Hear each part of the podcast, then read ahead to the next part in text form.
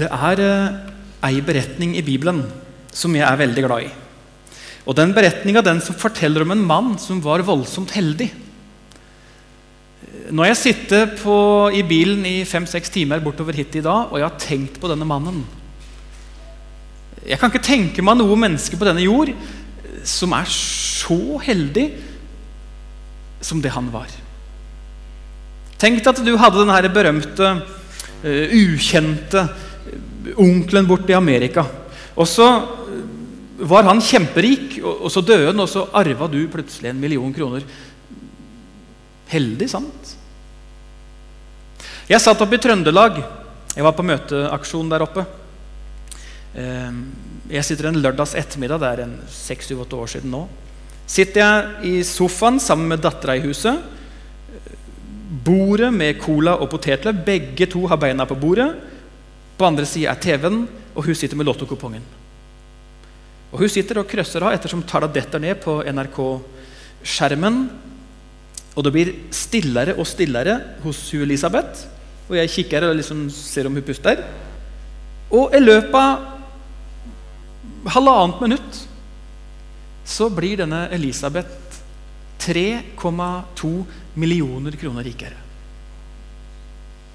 Og jeg tenkte liksom at hvis det drypper på presten, så Nei, åssen er det der? Ja. Nei, jeg fikk ikke ei krone. Jeg fikk søren ikke ei krone, ja, altså. Men han ringte rett opp til, han ringte rett opp til Eller hun, Elisabeth, hun, det hun gjorde Hun var en sånn veldig nedpå dame. altså. Hun reiste seg opp og dobbeltsjekka. Og Så gikk hun bort og så tok hun telefonen og så ringte hun til sjefen sin og så spurte du, eh, kan jeg få fri fra i morgen og 14 dager framover, for eh, jeg har tenkt meg en tur til Syden. sa Veldig sånn nedpå. Og det fikk hun. Hvis vi hadde gått til den mannen vi skal høre litt om nå og sagt at du, jeg har vunnet 3,2 millioner i Lotto han hadde, han hadde bare ledd av det. Og det hadde vært for ingenting å regne sammenligna med det han fikk oppleve i sitt liv. Nå er det ikke veldig mye det står om denne mannen i Bibelen. Det står litt, men ikke mye. Men vi skjønner at han var en sånn type som veldig mange ikke likte. Han bodde i det her flotte landet Israel, i denne fantastiske byen Jerusalem. Men han hadde tatt noen feil steg. Jeg tipper at han hadde, hadde latt være å høre på mamma og pappa og besteforeldre som sa at når du vokser opp nå, så, så lev livet ditt rett og godt og gå på den gode og sanne vei og oppfør deg. For når vi møter den, da sitter han i fengsel. Han har sikkert knabba penger. Han har sikkert brytet seg inn i butikker. Han har tatt livet av et annet menneske. Han er en drapsmann. Og det står i min bibel at han er en berykta fange. Og Han var sikkert en sann som, eh, som, hvis du møtte han i gatene i Jerusalem, så gikk du en omvei for å slippe å møte han. En berykta fange, står det. Nå har de endelig fått tatt den.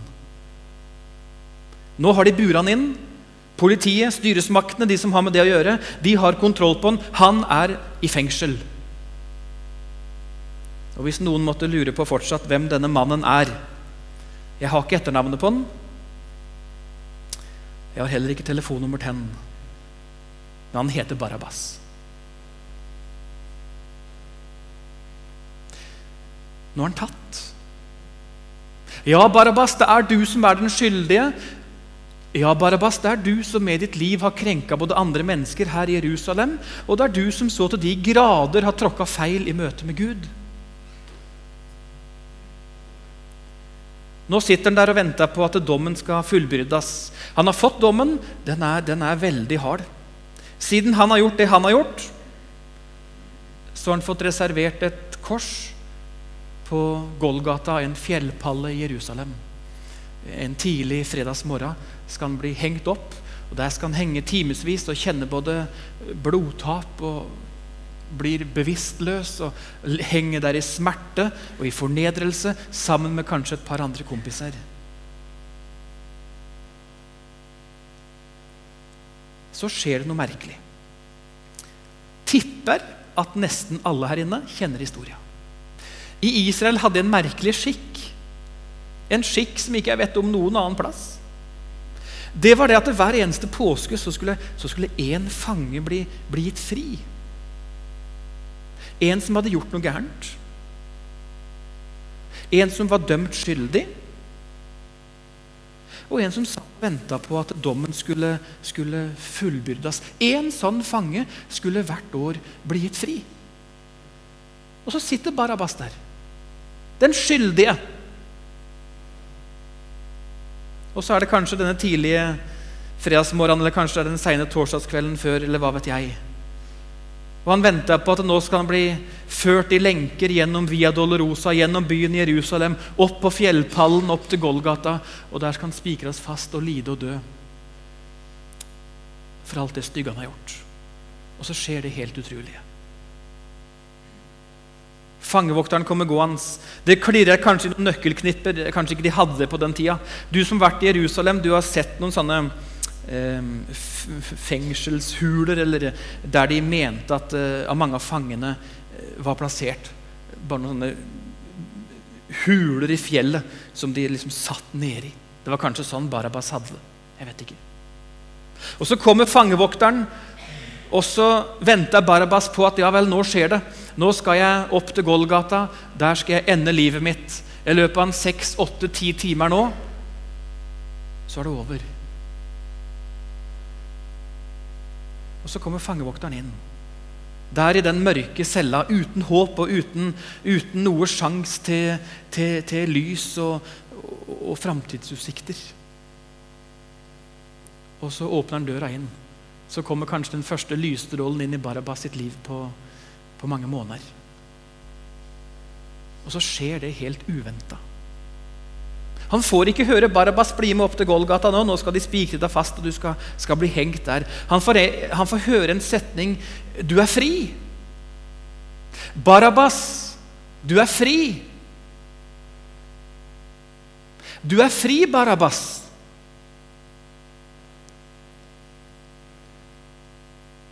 skal lure på om ikke Barabas sleit med å få tak i akkurat det. Og jeg tror det at Hvis de hadde hatt høreapparater på den tida, så hadde Barabas springet inn i sentrum og så hadde han kjøpt to stykker, putta de inn i øret, skrudd på full styrke, kikka opp på fengselsbetjenten og sagt 'Unnskyld, kan du gjenta det? Jeg må ha hørt feil.' Barabas, du er fri. Og kanskje fikk han høre en setning til. Du skjønner at det er en annen mann. Det er en annen enn Barabas. Han heter Jesus. Og han Jesus han skal ta den plassen som du egentlig skulle hatt. Du er fri, Barabas. Kom! Og så går Barabas og fangevokteren ut av fengselet. Og så fortelles det ei legende. Det er ikke sikkert den er sann. Jeg vet ikke. Det står i den legenda at Barabas han, det første han gjør, han springer opp til Golgata, opp på fjellpallen. Langt der framme ser han tre kors. Han springer fram mens tårene renner på kinn. Kneler ned ved det midterste korset. Kommer ikke med en lang, dyp teologisk avhandling, men han kommer med en liten, kort, enkel setning fra hjertet. Tusen takk, kjære Jesus. Tusen takk, kjære Jesus. bibelordet vårt denne torsdagskvelden. Det er et bibelord som passer rett inn i temaet denne uka, som Ole laga for oss. Elska av Jesus. Og det passer rett inn i historia om Barabas. Johannes' åpenbaring, kapittel 1 og vers 5 kun en liten del av det verset. Der står det noe veldig flott, syns jeg. Det står sånn Åpenbaringa 1.5. Han som elsker oss og løste oss fra våre synder med sitt blod.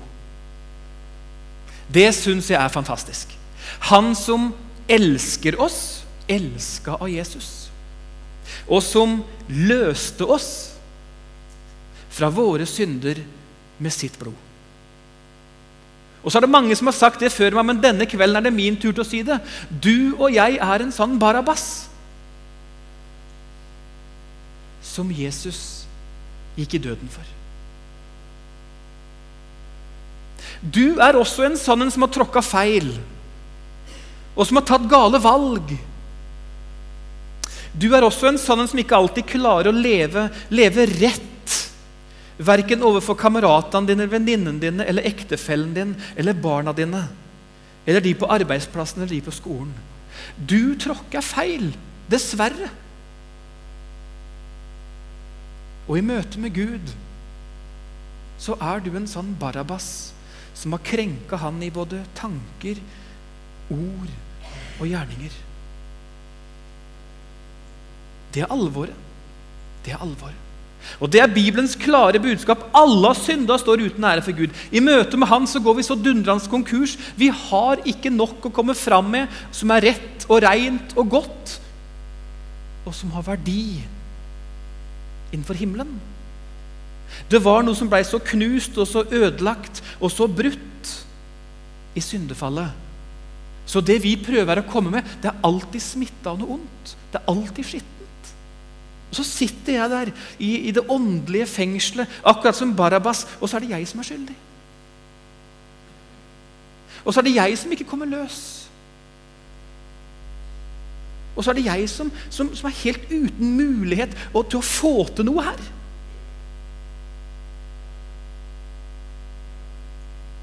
Jeg syns det er så fint, bibelordet vårt. Han som elsker oss og løste oss fra våre synder med sitt blod. Han løste oss. Og for at noe skal løses, så må det kanskje være noe som er bundet. Og så var du og jeg bundet fast i både synd og i verden og i alle de kjettinger og, og, og bånd som, som binder oss her. Og så kommer Jesus med sitt fantastiske budskap. Det som du og jeg trenger å høre. Han som elsker oss, og som løste oss fra våre synder med sitt blod. Og nå har jeg lyst til å si deg en ting i Salem denne torsdagskvelden. Det budskapet håper jeg du trenger. Helt uavhengig av hvem du er, og åssen du har levd, og, og liksom åssen du styrer hverdagen din. Jeg håper du i hjertet ditt er takknemlig for Han som elsker deg,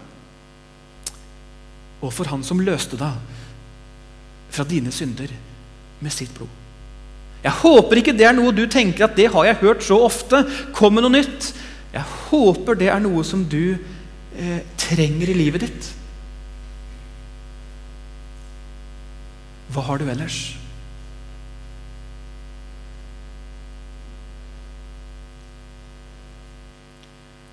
Det kan brukes mange bilder på å på å prøve å forklare evangeliet. Alle bilder og alle illustrasjoner kommer egentlig til kort. Allikevel, jeg skal prøve å bruke ei slitt og gammel historie som mange av dere har hørt før. Men jeg våger meg på den rett og slett fordi at den har et flott budskap, og den har et fint innhold. Det er denne familien oppe i Finnmark. Under krigen, dårlige kår, lite penger, vanskelige tider. Mor og far, en ungeflokk. Far var i butikken og handla. De hadde hver sin side. Det var ikke cash-betaling, men de hadde hver sin side, og så kjøpte de, og så handla de, og så var det oppgjør hver 14. dag eller, eller hver måned. Far hadde vært der og handla noen ganger. Han hadde ikke sløsa. Det hadde ikke bugna i posen hans han gikk hjem igjen. Han hadde kjøpt det aller mest nødvendige til familien. Gjelda hadde vokst og vokst. En dag jeg er på butikken, så kommer kjøpmannen, tar tak i far, og så sier han, 'Kan du bli med på kontoret?' Og Så tar han opp den svære boka med gjeldspåstandene til far, og så sier han, 'Er det ditt, alt det her?' Blar fra den ene sida til den andre. 'Er det ditt?' 'Ja', sier far. 'Var en ærlig mann. Det er mitt, alt sammen'. Da må du begynne å betale for deg, sier kjøpmannen. Jeg skal prøve så godt jeg kan, sier far. Jeg skal gjøre så godt jeg kan. Innerst, innerst inne visste han at jeg, jeg, kommer aldri til å nok, jeg kommer aldri til å evne å betale. Gjelda har blitt alt, altfor stor. Jeg kommer aldri til å få det til det her. Og Så går det noen uker, og så Far er ikke på butikken, han har ikke frimodighet til å gå der. Og Så tar kjøpmannen kontakt med far på nytt, og så er de inne på det samme kontoret. 'Jeg har ikke sett deg på ei stund.' Nei, jeg kan like godt si det som det er sier far. 'Jeg har fått så stor gjeld hos deg at jeg kommer aldri til å klare å betale.' 'Så nå får du bare gjøre med meg som du, som du må.'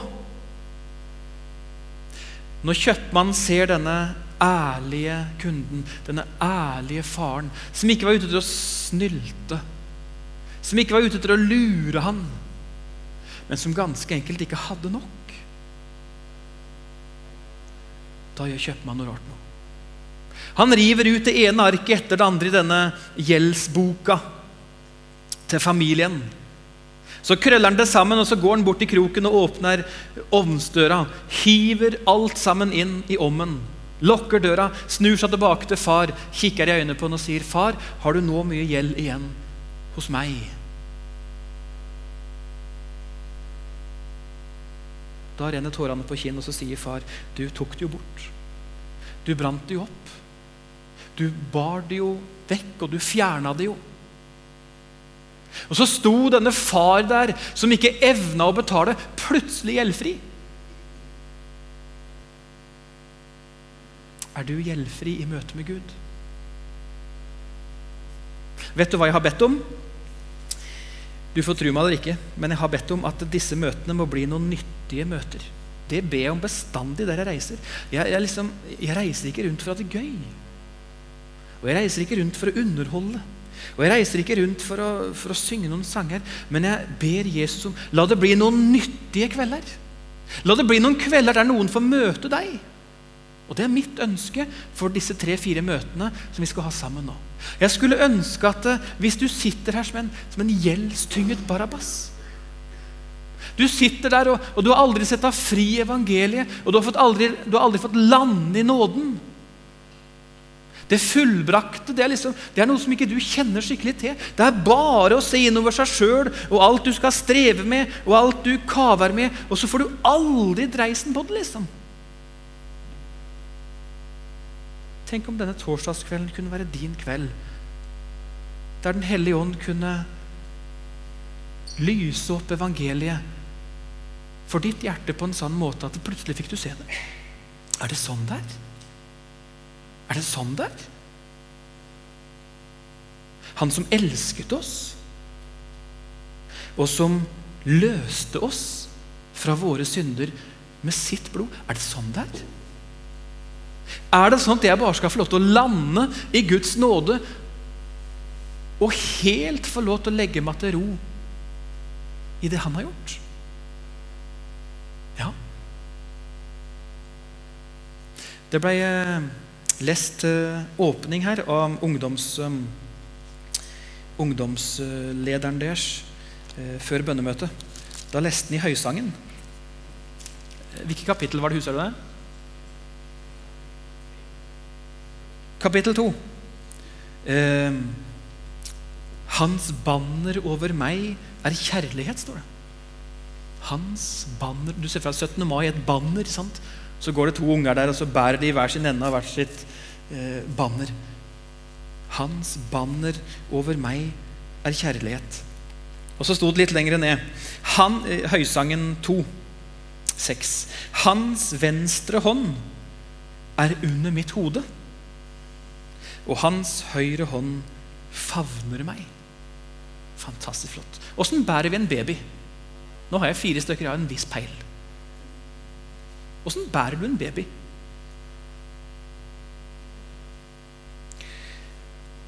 Hans venstre hånd er under mitt hode. Hans høyre hånd favner meg.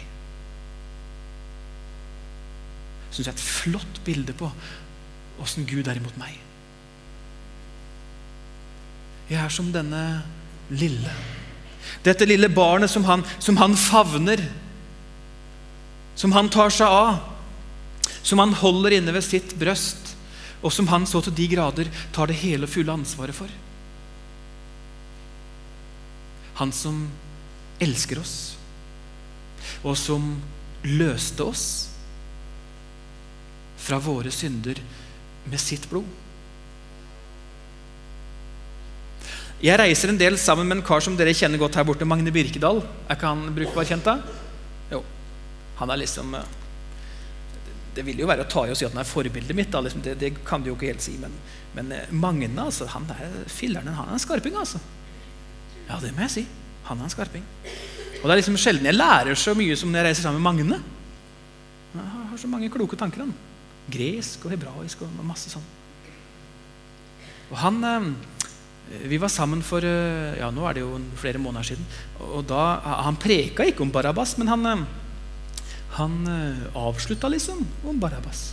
Og Da fortalte han en historie som han hadde lest i ei bok. Og Da fortalte han om et cruiseskip som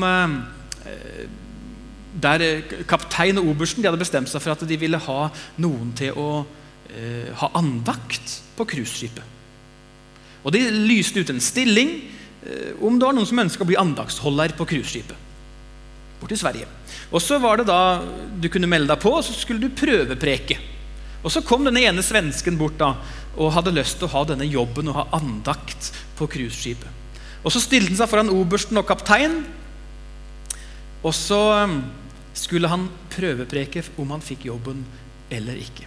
Og emnet han skulle preke om, det var, eh, det var, eh, veldig kort og det var veldig greit. Han skulle preke så kort og så godt han kunne om følgende emne Kristus, Barabas og helvete. Litt av et emne. Det skulle han preke så kort og så godt han kunne om. Så stiller denne svensken seg foran obersten og kaptein, og så begynner han sin preken på følgende måte. Jeg er en Barabas. Obersten er en Barabas. Og kapteinen er en Barabas. Men Kristus døde for alle Barabbaser, Og derfor har vi ingenting i helvete at gjøre.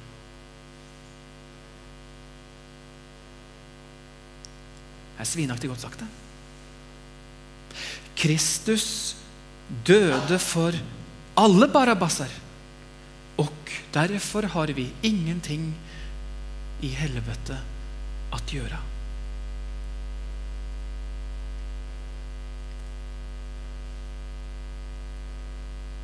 Til slutt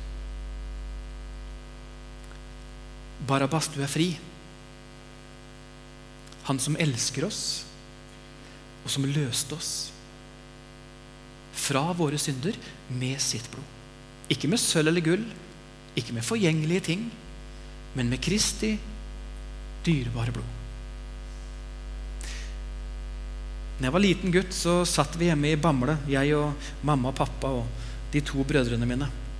Og så var det ofte pizza eller eh, et eller annet, og så var det litt TV. Og så satt vi ofte og spilte. Og Noen spill var vi mer glad i enn andre. Et spill som jeg likte godt, det var stigespillet. Jeg elska å spille stigespillet. Jeg fikk meg noen på fleisen her noen ganger, men jeg syntes det var veldig kjekt å, å spille stigespillet. Men det jeg ikke likte, det var å havne på 85. Ja Nummer 85, altså. For da hadde jeg liksom kjørt bortover og, og fått noen snarveier med stigen der. Og, og kommet meg av gårde og vinka farvel til mor og far litt lenger der nede. Og, og, kjørte oppover. Og så kom jeg på 85! Og så var det bzzz, Og så var det rykk tilbake til start. Det likte jeg ikke. I voksen alder jeg bare være ærlig og si når jeg reiser rundt på kristne møter, og denne gangen i Salem, Stavanger, i januar 2012 Jeg syns det er flott å oppleve å, å, være sammen med mennesker som opplever å komme på nummer 85. Du måtte plutselig tilbake igjen. Du måtte plutselig tilbake, og så måtte du få se hvor det hele begynte. Der du fikk tilgivelsen, der du fikk starte med Jesus. Der du i Hans ord fikk se deg fri og løst, og der du plutselig fikk lov til å, å lande i den frelsen som Jesus så helt hadde ordna for deg. Og så hadde det gått ei tid, og så hadde du kanskje kludra det til. Og så hadde du begynt å rote litt på sideveier. Og så kom plutselig kvelden at du var på nummer 85. Og så fikk du se det at jeg, jeg, jeg, jeg må tilbake til start. Jeg, jeg trenger å møte Jesus på nytt. Jeg trenger å få se det han har gjort på nytt. Det har slokna sånn i livet mitt. Det har gått så på tomgang over lengre tid nå. Jeg har ingen frelsesfryd, jeg har ingen glede. Jeg har liten og ingen nød for mine. Jeg bare dilter med, liksom. Jeg vet ikke om du satt her i kveld som, som opplevde at du du var egentlig på nummer 85 i kveld. Du. Du trang å få komme tilbake til Jesus der det hele begynte. Der du mottok alt det du trang. Du kunne ikke kreve noe. Du kunne ikke betale noe. Du kunne ikke lure deg til noe. Men du, du fikk det alt sammen. Der på kne hos Jesus så fikk du det alt sammen. Så trang du å få se det på nytt. Så trang du å få glede deg i det på nytt. Og så trang du å be som en har bedt før deg. Gud, skap i meg et rent hjerte. Forny en stadig ånd inni meg. Kjære Jesus. Takk for den du er. Takk at du tok plassen til Barabas. Takk, Jesus, at du tok plassen min. Takk at det som ikke jeg på noen måte kunne få til, det ordna du med. Det var Gud som i Kristus forlikte verden med seg selv. Tusen takk, Jesus, at du elsker oss, og at du løste oss fra våre synder med ditt blod. Og så ser du Jesus, den enkelte, her inne i kveld. Du vet åssen livet var med deg. Mens det er stille, så har jeg lyst til å spørre enkelt. Kanskje sitter du her og, og har tenkt på noen av dine i kveld. Du hadde kanskje noen som, eh, som ikke trang dette budskapet. Kanskje var det noen søsken av deg. Kanskje var det en mor eller far noen på arbeidsplassen. Noen du var mint om. Og så var de en sånn Barabas, de, men, men de, de, trang ikke det her budskapet om at de var fri. De syntes de var fri. Og så levde de dette livet i denne verden på den måten som de gjorde. Men de levde der uten Jesu tilgivelse. Og med dommen over sin framtid. Hvis du hadde noen du ville vi skulle be enkelt for, løfte de framfor Jesus helt enkelt i bønn, kan du gi det til kjenne med handa di, og så skal vi ta det med. Ja, ja, mange, ja. Ja, ja. Mange. Jesus ser hver enkelt.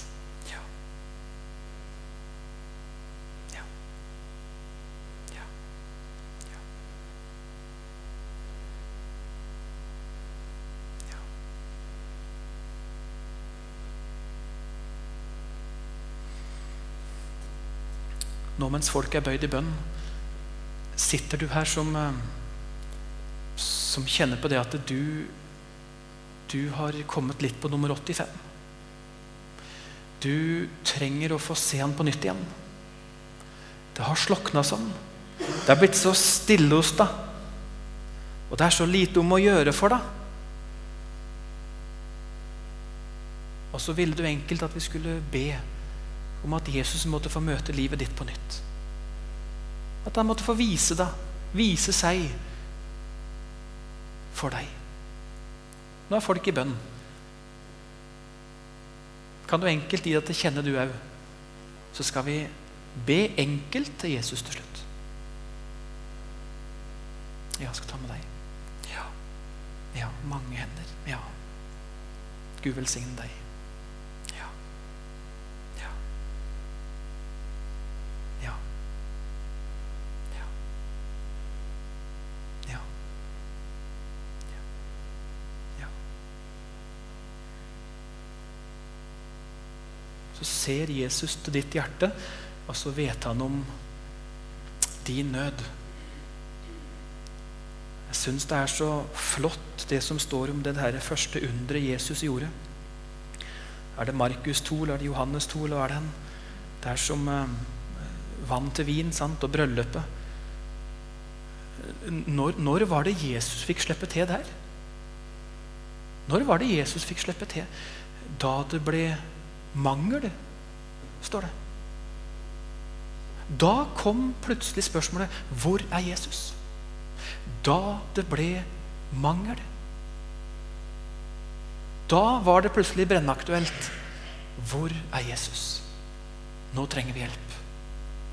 Og så tror jeg det er godt for noen av hver av oss å av og til komme på nummer 85. Av og til eh, kjenne på denne mangelen, sånn at vi kommer i behov av en redningsmann. Kjære Jesus, nå ser du de opprekte hender, og du ser mye, mye lenger enn det. Du ser inn til hjertet. Du ser den enkelte. Takk at den enkelte her inne, Jesus, elska av deg. Takk at du har løst den enkelte ut. Takk at Golgata er for den ene. Og det er for oss alle. Nå ber vi Jesus om at du kan eh, gripe hjerter på nytt. At ditt ord, at evangeliet, at budskapet om deg kunne få tenne i brann på nytt og skape frelsesvisshet og, og glede i evangeliet. Og jeg ber Jesus frimodig om at denne kvelden kunne få gjøre en forskjell i enkeltes liv. Du kan starte på nytt, du. Forny våre dager så det blir som i fordums tid. Ja, fyll oss opp igjen med ditt ord, og med din ånd, og gjør oss ydmyke på kne for deg, Jesus. Se til den enkelte som i kveld kjente på at de trang å bli møtt av deg på nytt. Og se til de som vi ber for, bønnebarna våre. De som vi så gjerne ville ha med på veien hjem. Kjære Jesus. Vi ber om at 2012 kunne få, få bli et år der vi fikk se noen av våre på kne for deg så vet vi hvor æren og prisen hører til. Den er din aleine. Priset være ditt navn, Jesus. Amen.